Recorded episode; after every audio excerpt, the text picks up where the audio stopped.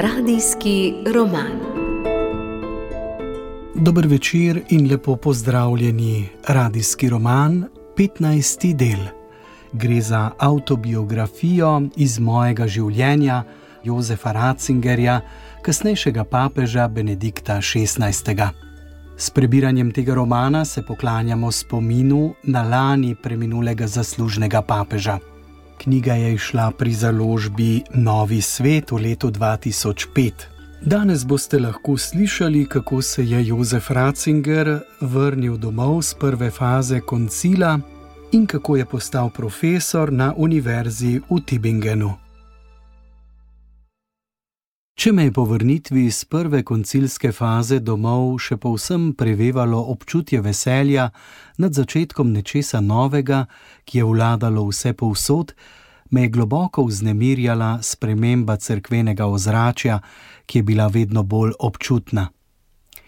V nekem predavanju o pravi in napačni prenovi cerkve, ki sem ga imel na univerzi v Minstru, sem skušal postaviti prvo opozorilno znamenje, ki pa je bilo komaj da opaženo. Bolj izrecen sem bil potem v svojem govoru na katoliškem dnevu v Bambergu 1966, tako da se je kardinal Dopfner čudil konzervativnim sledem, ki je mislil, da jih je zaznal v njem. Najprej pa je bila pred menoj spet neka osebna sprememba. Kakor sem že povedal, sem bil v Minstru pri fakultetnem kolegiju zelo dobro sprejet in cenjen. Naletel sem na zauzetost slušateljev in dobro opremo, tako da si česa boljšega sploh nisem mogel želeti. Vedno bolj sem začel ljubiti to mesto, tudi kljub temu je bil tu tudi negativni vidik. Prevelika oddaljenost od bavarske domovine, na katero sem bil in sem do dna duše navezan. Uleklo me je proti jugu. Tako se nisem mogel upreti skušnjavi, ko me je univerza v Tübingenu, ki mi je že leta 1959 ponudila katedro za fundamentalno teologijo, zdaj poklicala na novo ustanovljeno drugo katedro za dogmatiko. Hans King se je močno zauzemal za ta poklic in je našel tudi soglasje ostalih kolegov za to. Spoznal sem ga leta 1957 na srečanju dogmatikov v Innsbrucku, ravno ko sem končal svojo recenzijo njegovega doktorskega dela o Karlu Bartu.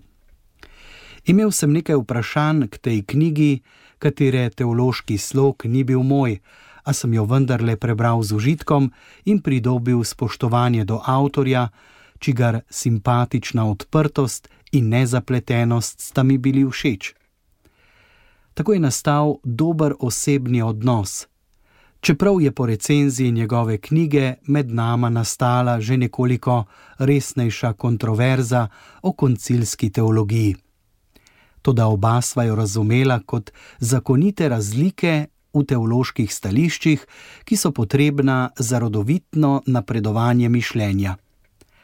Te razlike nikakor niso kalile najne osebne privlačnosti in sposobnosti sodelovanja.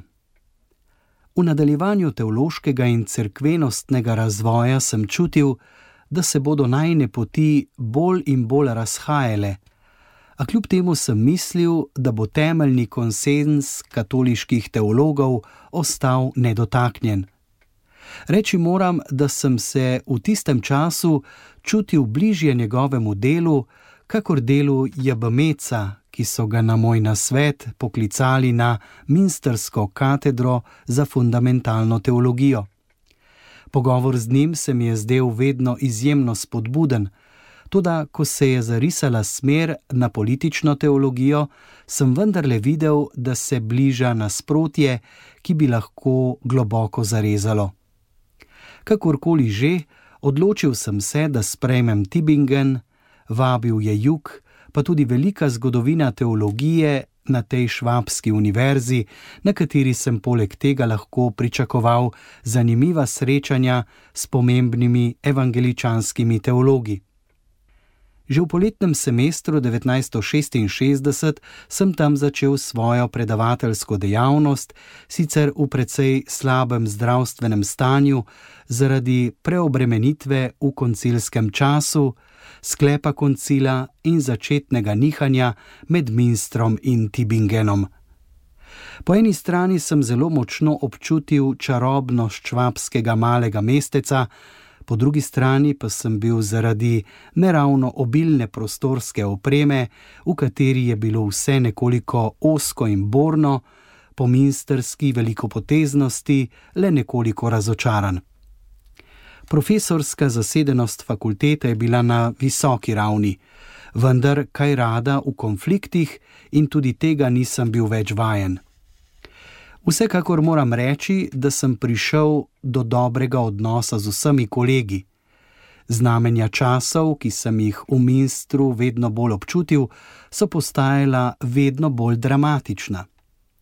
V začetku je teologija Rudolfa Bultmana še povsem obvladovala splošno ozračje, v različici, ki jo je dal Ernst Keseman.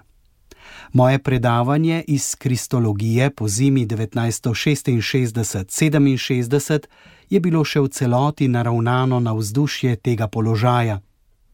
1967 smo lahko še sjajno praznovali 150-letnico obstoja Katoliško-teološke fakultete, a to je bil tudi zadnji akademski praznik v starem slogu skoraj v hipu se je spremenil svetovno-nazorski vzorec, na katerem je temeljilo razmišljanje študentov in enega dela docentov.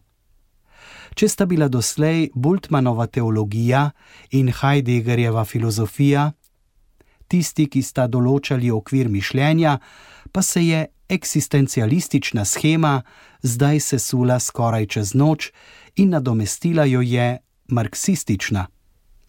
Ernst Bloch je zdaj učil v Tibingenu in prezirljivo napravil Heideggerja za boržuja.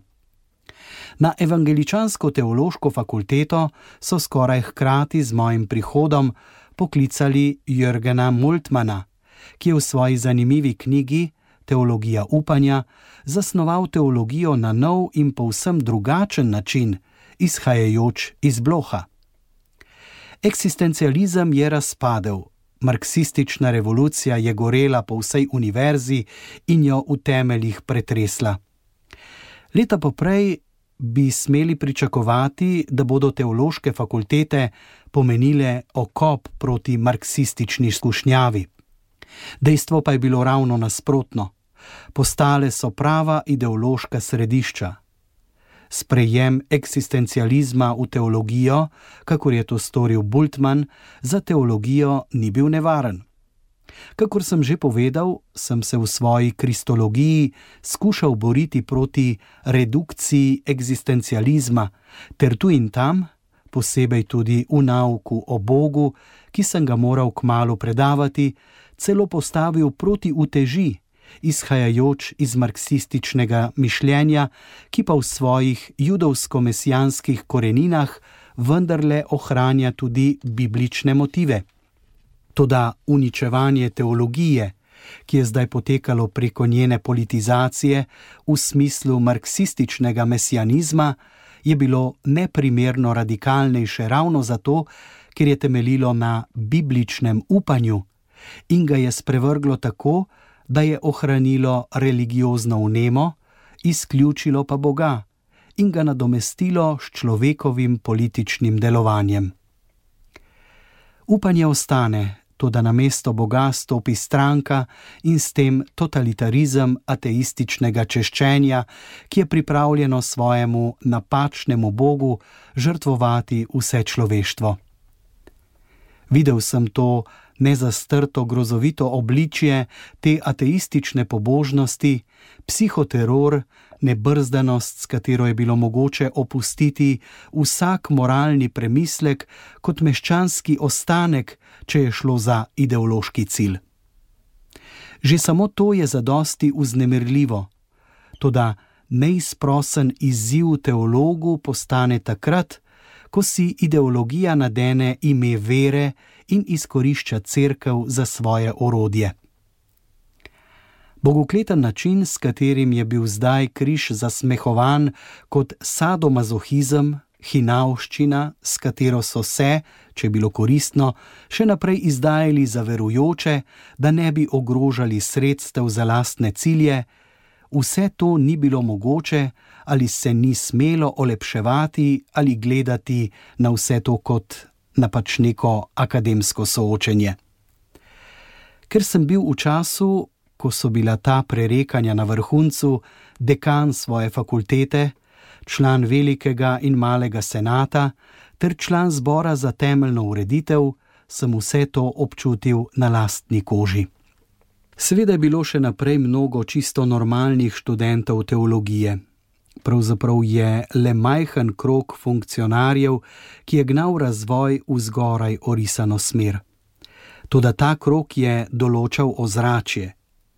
Nikoli nisem imel težav s študenti, ampak sem pri predavanjih lahko govoril velikemu številu pozornih slušateljev, Toda zdelo bi se mi, kakor izdajstvo, če bi se umaknil v mir svoje predavalnice in ostalo prepustil drugim. Na evangeličansko-teoloških fakultetah je bil položaj bistveno bolj dramatičen, kakor na naših. Toda sedeli smo vendarle v enem čovnu. Takrat sem se povezal z dvema evangeličanskima teologoma, patristikom Ulrichom Vikertom in misiologom Wolfgangom Bayerhasom. Videli smo, da so bile dosedanje veroizpovedne kontroverze na nizki ravni nasproti izzivu, pred katerim smo stali zdaj in v katerem smo morali ta trenutek skupaj zastopati vero v živega Boga in v Kristusa, v človečeno besedo. Prijateljstvo z obema kolegoma ostaja eden od nepogrešljivih delov dediščine tibingenških let. Vikert se je kmalo odločil, podobno kot jaz. Ni hotel nenehno živeti v borbenem ozračju in je sprejel poziv na cerkveno visoko šolo v Berlin, da bi lahko v nekoliko manj razburkanem okolju nadaljeval svojo teologijo. Bayerhos ki je bil po naravi bolj bojevit, kakor midva, pa je postal glasnik evangelikalov in prestal svoje borbe iz tistega nosilnega ozadja. Morda pa le moram, preden preidem na naslednjo etapo svoje poti, še enkrat povedati, da je bilo vsem tem mogoče opraviti tudi veliko normalnega in rodovitnega dela. Ker je imel Hans King leta 1967 glavno predavanje iz dogmatike, sem bil prost, da končno uresničim načrt, ki sem ga na tihem gojil že deset let. Drznil sem si pripraviti predavanje za slušatelje vseh fakultet in ga naslovil Uvod v krščanstvo. Iz tega je potem nastala knjiga, ki je bila prevedena v 17 jezikov in je ne le v Nemčiji dosegala veliko število naklad. Še vedno jo berejo. Da ima marsikakšno pomankljivost, sem se in se še danes zelo dobro zavedam. Toda dejstvo, da sem preko njega lahko odprl vrata mnogim ljudem, mi je v zadoščenje in priložnost, da se zahvalim Tibingenu, v katerega ozračju je predavanje nastalo.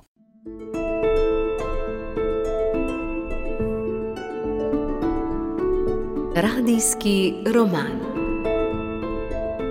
To je bil 15. del radijskega romana iz knjige Iz mojega življenja, autobiografije Jozefa Ratzingerja, kasnejšega papeža Benedikta XVI. Knjiga je šla leta 2005 pri založbi Novi svet. Za danes se od vas poslavljam Jože Bartol, ki vas vabim tudi v naš radijski arhiv, kjer so zbrani vsi deli, ki so bili na sporedu do zdaj. Če ste katerega zamudili, mu lahko prisluhnete tudi na zahtevo. Prihodni četrtek pa bomo odprli poglavje Regensburška leta. Vabljeni k poslušanju.